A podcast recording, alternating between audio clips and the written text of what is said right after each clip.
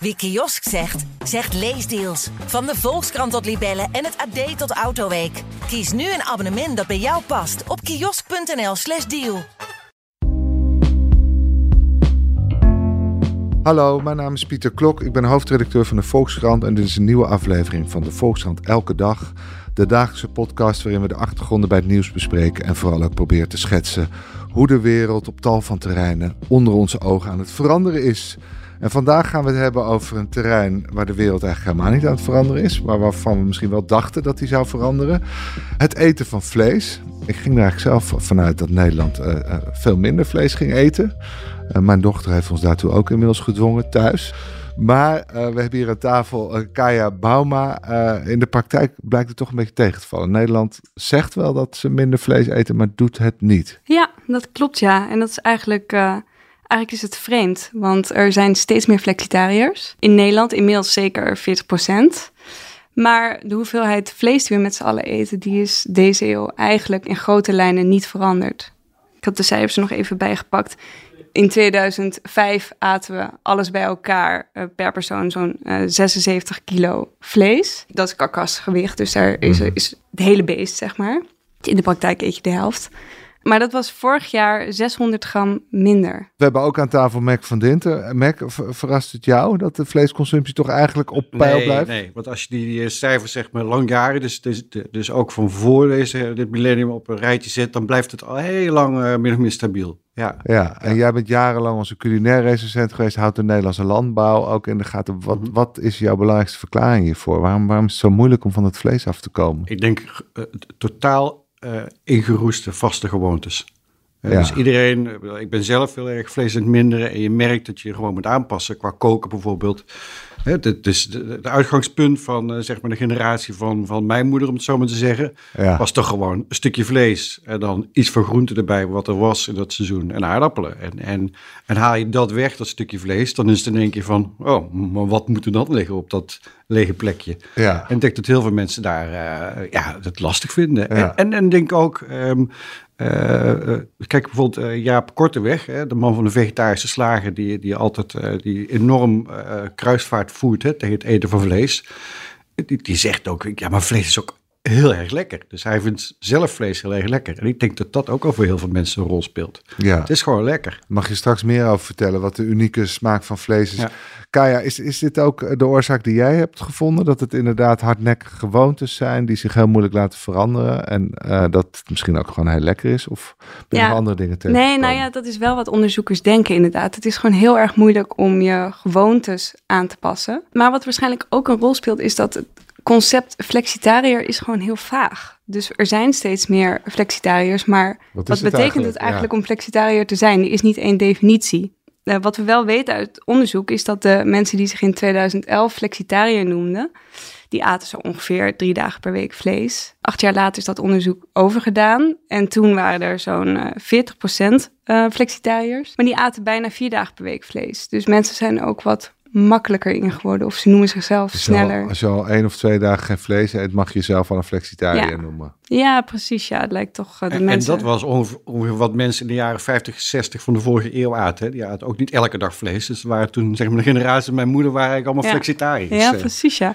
Hè, want het was gewoon veel te duur om elke dag vlees te eten. Ja, nou ja, en wat, wat ook een rol zou kunnen spelen, is dat mensen dan thuis minder vlees eten, maar als ze dan uit eten gaan, helemaal losgaan op het vlees. Want de mensen snel geneigd om te denken dat ze het goede doen. Dus als ze dan al één keer geen vlees eten, Ja, dan zijn ze zo trots op zichzelf dat ze dan de volgende keer dat ze uit eten gaan, moet de grootste ribeye. Want wat Ja. jij zegt wordt ook bevestigd door cijfers. Hè? Want ik zag dat de, de vleesverkoop toevallig in 2021 wel met, met, met een beetje was gedaald. Twee Ja. kilo zo per persoon. En Ja, dat had te maken vooral corona. met corona. Omdat Ja. mensen niet meer konden gaan uiteten. ja. Dus met name als mensen uiteten, dan gaan ze zich te Ja. buiten. Ja, en mensen kochten dan meer vlees in de supermarkt vorig jaar en het jaar daarvoor. Maar er werd wel veel Ja. minder. In, in die, zeg, precies in het coronajaar Ja. is de vleesconsumptie wel een, heeft een deukje gekregen. Ja. En dat verklaarde eh, de, de mensen vooral doordat het eh, door corona geen, geen eh, restaurantbezoek mo- mogelijk was. Maar moeten we dan niet vooral ja. bij de restaurants zijn? Moeten die niet het goede voorbeeld geven? Nou ja, wat, wat, dat zou je kunnen denken. Ja. Wat in ieder geval ehm, echt een verschil schijnt te maken, dat vond ik heel interessant om te horen, is hoe je de menukaart presenteert. Dus zet je, heb je een aparte sectie met, nou ja, we hebben dit, dit hoekje ook nog aan vegetarische maaltijden. Mhm. Of zet je het, neem je de vegetarische maaltijden op in je menu. En bij die laatste optie blijkt dat mensen sneller voor vegetarisch kiezen. Dan is het gewoon een volwaardig gerecht en niet een soort van, ja, een beetje Ja, suffe dus dat, dat kunnen restaurants doen om de Ja. eh, vleesconsumptie omlaag te krijgen. Wat, wat, wat adviseren wetenschappers nog meer om eh, te doen om, om te zorgen dat we minder vlees eten? Nou, aan mensen zelf, om eh, als je je voorneemt minder vlees te eten, neem je dan iets concreets voor. Dus niet van ik, ik wil ietsje minder vlees eten, maar ik eet één avond per week minder vlees dan ik at bijvoorbeeld. Mhm. Een concreet voornemen, dat, dat, daar hou je je eerder aan dan een vage wens. Nou, het blijkt ook wel uit onderzoek dat eh, veel Nederlanders, de meerderheid van de Nederlanders, die willen best wel dat de overheid en bedrijven ook een beetje ons, ons actief de goede kant eh, opsturen. Dat door Eh, vlees duurder te maken? Of waar denken ze dan aan? nou, bijvoorbeeld, of door het aanbod. Je hebt toch in tankstations, weet je, er zijn toch heel veel vleessnacks. Daar zou je ook naar kunnen kijken. Dus het aanbod ook veranderen. Oké, maar, maar thuis? Wat kun je doen om de vleesconsumptie, behalve die vleesloze dag, één keer per week? Wat kan, wat kan de overheid nog meer doen om... eh, Ja, ik denk inderdaad duurder maken, dat dat wel echt eh, uit gaat maken. Ja. Merk, jij hebt dus jarenlang, volgens mij twintig jaar lang, heb jij de restaurants van Nederland eh, bezocht. Eh, Wat heb je in die tijd zien veranderen? Eh, werden ze steeds beter in vegetarisch? Of is het inderdaad een beetje eh, zo'n verplicht nummertje gebleven wat ze ook nog moesten doen? Nee, dat, dat is wel echt veranderd. Ik bedoel, we, we hebben vorig jaar nog heeft een restaurant dat zo goed als veganistisch is twee Michelinsterren gekregen. Nou, dat was toen ik begon met mijn restaurant eh recensies echt ondenkbaar. Ja, Ik bedoel, dat- dat kreeg je pas een ster als je überhaupt ganslever op het bord had. Dus dat is inderdaad al veranderd. Het is, wel, het is in de restaurantwereld wel veel serieuzer genomen en geworden ook. Ja. En het is ook gewoon steeds beter geworden. Hè, vroeger kreeg je dan gewoon, als je vegetarisch wilde eten in een restaurant... Eigenlijk alles wat ze groente in de keuken hadden liggen. Wat ze normaal bij een lapje vlees leggen. Dan leggen ze dan allemaal gewoon op één bord. Dus dan kreeg je een soort kermis dat heb jij van, nog eh, meegemaakt. Ja, dat heb ik echt wel meegemaakt. Ja. Kreeg je gewoon letterlijk alles. Ze keek dan bij het bord van je buurman die dan wel vlees at. ja. En dan dacht je, oh, ik heb hetzelfde, behalve dat stukje vlees eh, is weggelaten. En, en dan hebben ze vaak nog meer groenten erbij gedaan, die ze dan ook nog wel in een pannetje hebben gevonden. Ja. En dat is echt wel veranderd. We hebben echt wel volwaardige vegetarische gerechten. Maar kunnen die restaurants nog meer doen? Want eh, eh, nou ja, we constateren ook dat als zodra wij het restaurant ingaan, dan worden de lappen vlees eh, massaal aangerukt. Ik weet niet of je het van restaurants kan vragen. Je hebt koks die wel een voorbeeld willen zijn, maar we hebben ook echte vleesrestaurants. Die zijn ook heel populair. Neem de Loetjes, hè, die, Ja. die hebben een hele eh, keten inmiddels opgestart. En die serveren alleen maar vlees. Ja, Nou, volgens mij je kan ook wat anders krijgen, maar... En ze hebben een vegetarische Ja. biefstok nu, Ja, toch? maar ze zijn toch Ja. vooral zeg maar, Ja. succesvol geworden met hun grote lappen biefstuk. En, en het geldt natuurlijk ook voor de hele, ja, de hele ketenwegrestaurants en zo. Daar speelt vlees Ja. natuurlijk wel gewoon de grootste rol in.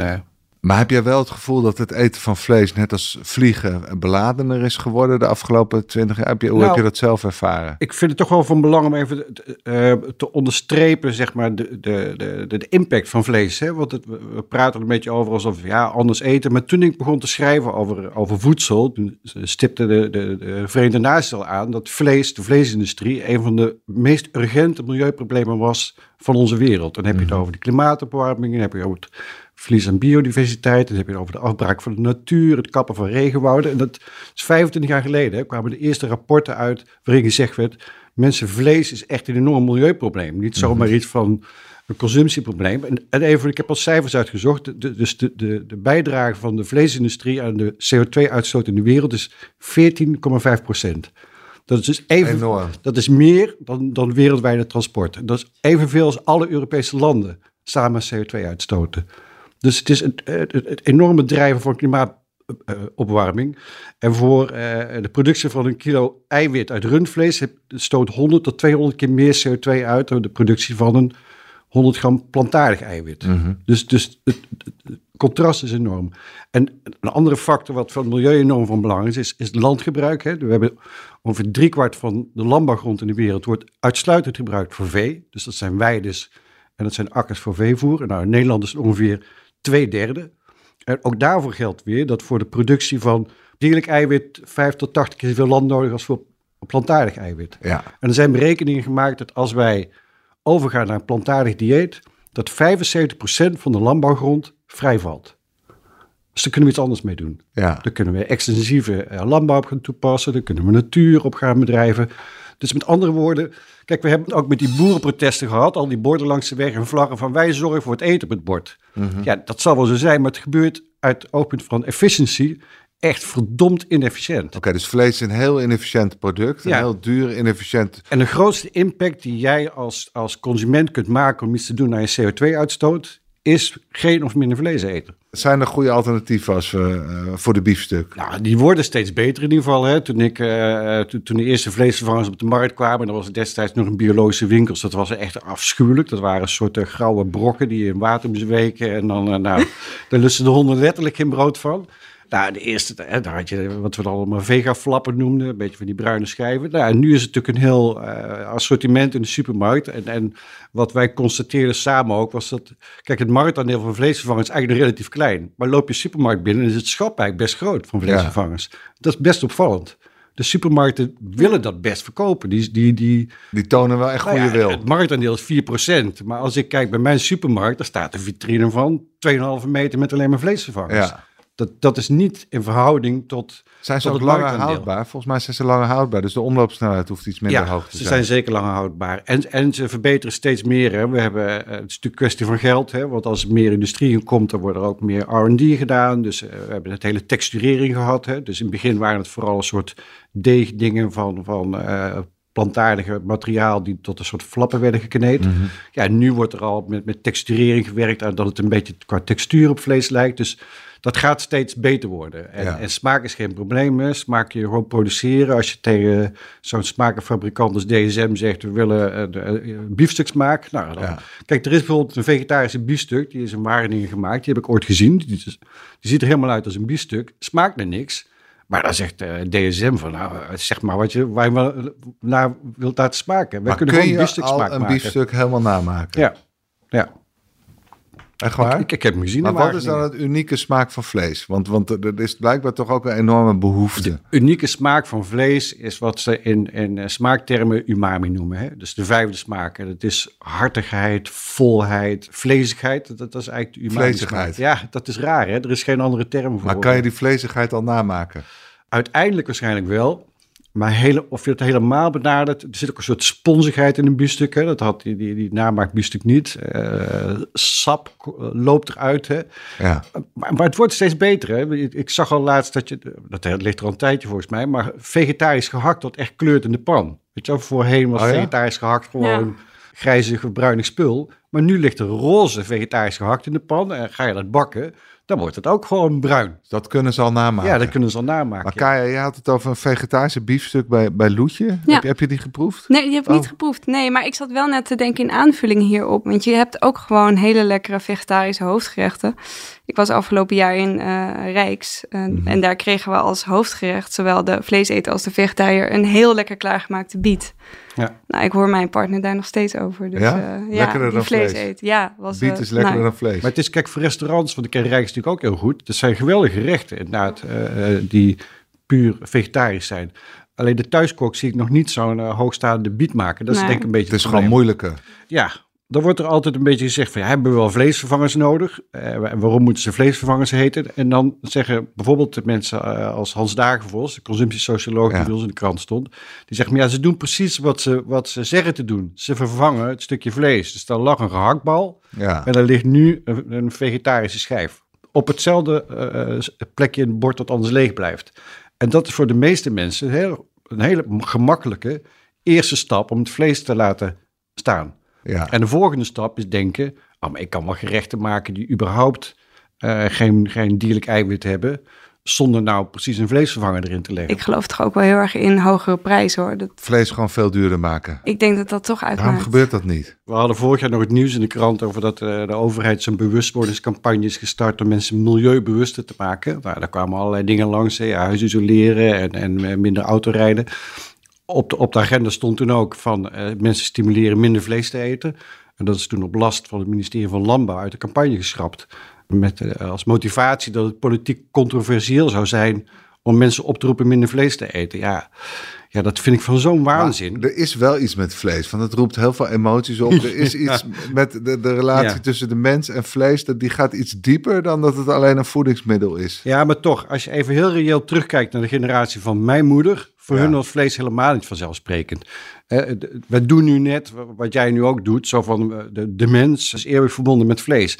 Maar in de realiteit werd zeg maar halverwege eh, de vorige eeuw werd de, werd de helft tot misschien nog wel minder vlees gegeten dan nu. Dus is, die vleesconsumptie is in Nederland is, is sinds de jaren 60, 70 van de vorige eeuw echt enorm toegenomen. Is dat net als met, do- bij melk, hè? dat werd bewust ook aangewakkerd Dat is met gepromoot. overheidscampagnes, melk de witte Vle- motor. Is de dat met vlees campagne van gebeurd? Vlees mevrouw, u weet wel waarom. Hè, Ja. dat, dat, is eh, voor de huisvrouw van de jaren 70, dat, die, die posters hingen overal. Inderdaad, hetzelfde als Joris Driepinter. En waarom? Omdat wij hele grote Joris melk en vlees... reclame voor melk. Melk, Ja. drie glazen melk per dag, dat doet het of zo. Ja. Ja, wat natuurlijk echt onzin is. Je hoeft helemaal geen melk te drinken, überhaupt niet. Maar, maar we zijn gewoon geïndoctrineerd om die hele landbouwsector van ons eh, overeind te houden en doen uit te groeien tot eigenlijk het veel te, de veel te grote moloch die het nu eh, voor een geworden deel is. wel. Ja, Ja. ja. en we hebben natuurlijk die Is dat in andere landen ook zo gegaan of is het, is nou, het heel nee, dat, dat, da- daar heb ik dan toch iets te weinig kennis voor. Maar, maar kijk, Duitsland eh, is natuurlijk ook echt een vleesland. Dus Ja. het, zit, ik bedoel, het is niet het typisch Nederlands. Maar het is wel altijd heel erg gepromoot als het is gezond en, en eh, je groeit ervan. En voor kinderen is het belangrijk. Belangrijke voedingsstoffen, ijzer en, eh, en kalk in, de- in de melk. En, maar Maar voor- dat vraag ik mezelf ook wel eens af. Want ik eet dus veel minder vlees. Moet ik dan veel meer noten Nee, eten of het is, zo? Achterhaald. Ik bedoel, zeg maar, de, als je normaal eet in Nederland, dan krijg je meer dan voldoende eiwitten en Van mineralen alles. binnen. Ja, ja. Ook als ik geen vlees Ja, meer Ook eet. als je geen vlees eet, ja. Ja, Weet je, hebt voor je- de, de hardcore veganisten, moet je dan B12 bij slikken. Nou, dan moet je wel echt... eh, dan ben je, ga je wel heel ver. eh. Oké. Dus, dus daar hoef je helemaal geen zorgen over te maken. Nou, dat is in ieder geval heel fijn. Wat wel grappig is trouwens, en daar, daar zouden we ons nog een keer in moeten verdiepen, dat in Duitsland, wat echt een vleesland is, daalt de consumptie wel al jaren. En in België, daar eten ze nog altijd meer vlees dan in Nederland, maar daar is het ook al jaren aan het dalen. En de Dus- verklaring daarvoor hebben we nog niet. Maar Nee, maar we zullen wel wat kunnen leren van ons buren, waarschijnlijk. Er komen natuurlijk heel veel andere dingen aan. Hè? Er komt kweekvlees aan. Ja. Dat, dat, dat, in, Amerika wordt dat al verkocht. Nou, het is nu nog heel duur.